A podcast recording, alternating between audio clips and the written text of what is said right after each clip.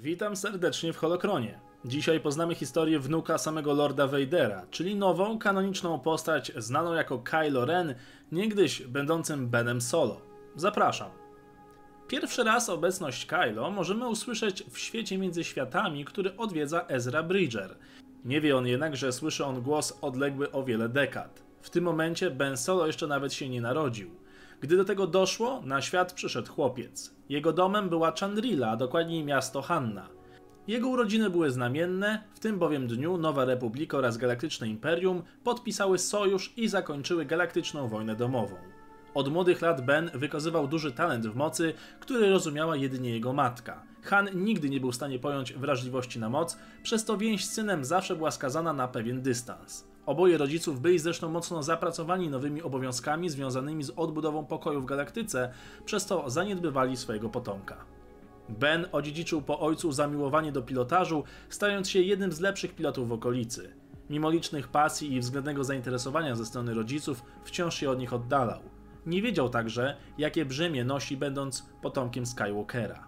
W wieku 23 lat wciąż nic nie wiedział o swoim dziadku i rozpoczął trening u swojego wuja, mistrza Jedi Luka Skywalkera.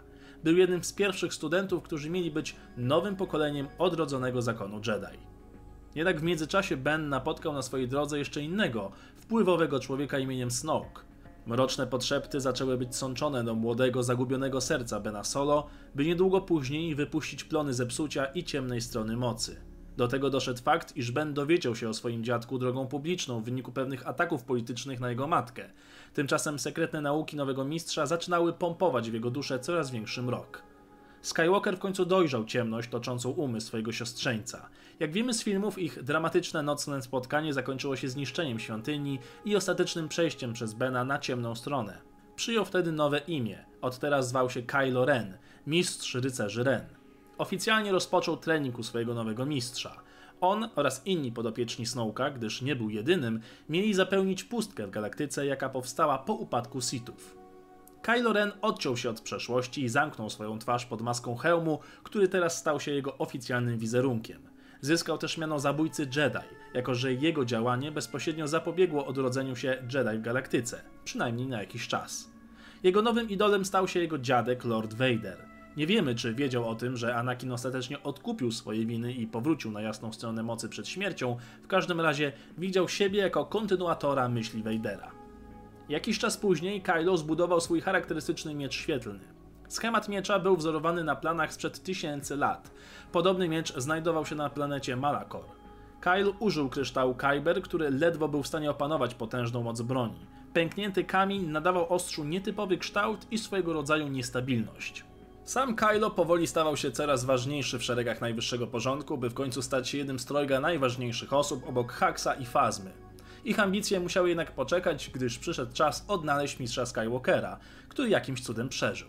Kolejne przygody upadłego Jedi znamy oczywiście z filmów. Jeżeli jesteście bardzo ciekawi jakichś małych smaczków uzupełniających, to polecam kampanię dla pojedynczego gracza z gry Battlefront 2, a właściwie jej koniec, oraz komiksy serii Star Wars Adventures. Dodatkowe uzupełnienia historii czy ciekawostki znajdziecie także w nowelizacji filmu Przebudzenie Mocy autorstwa Alana Dean Fostera.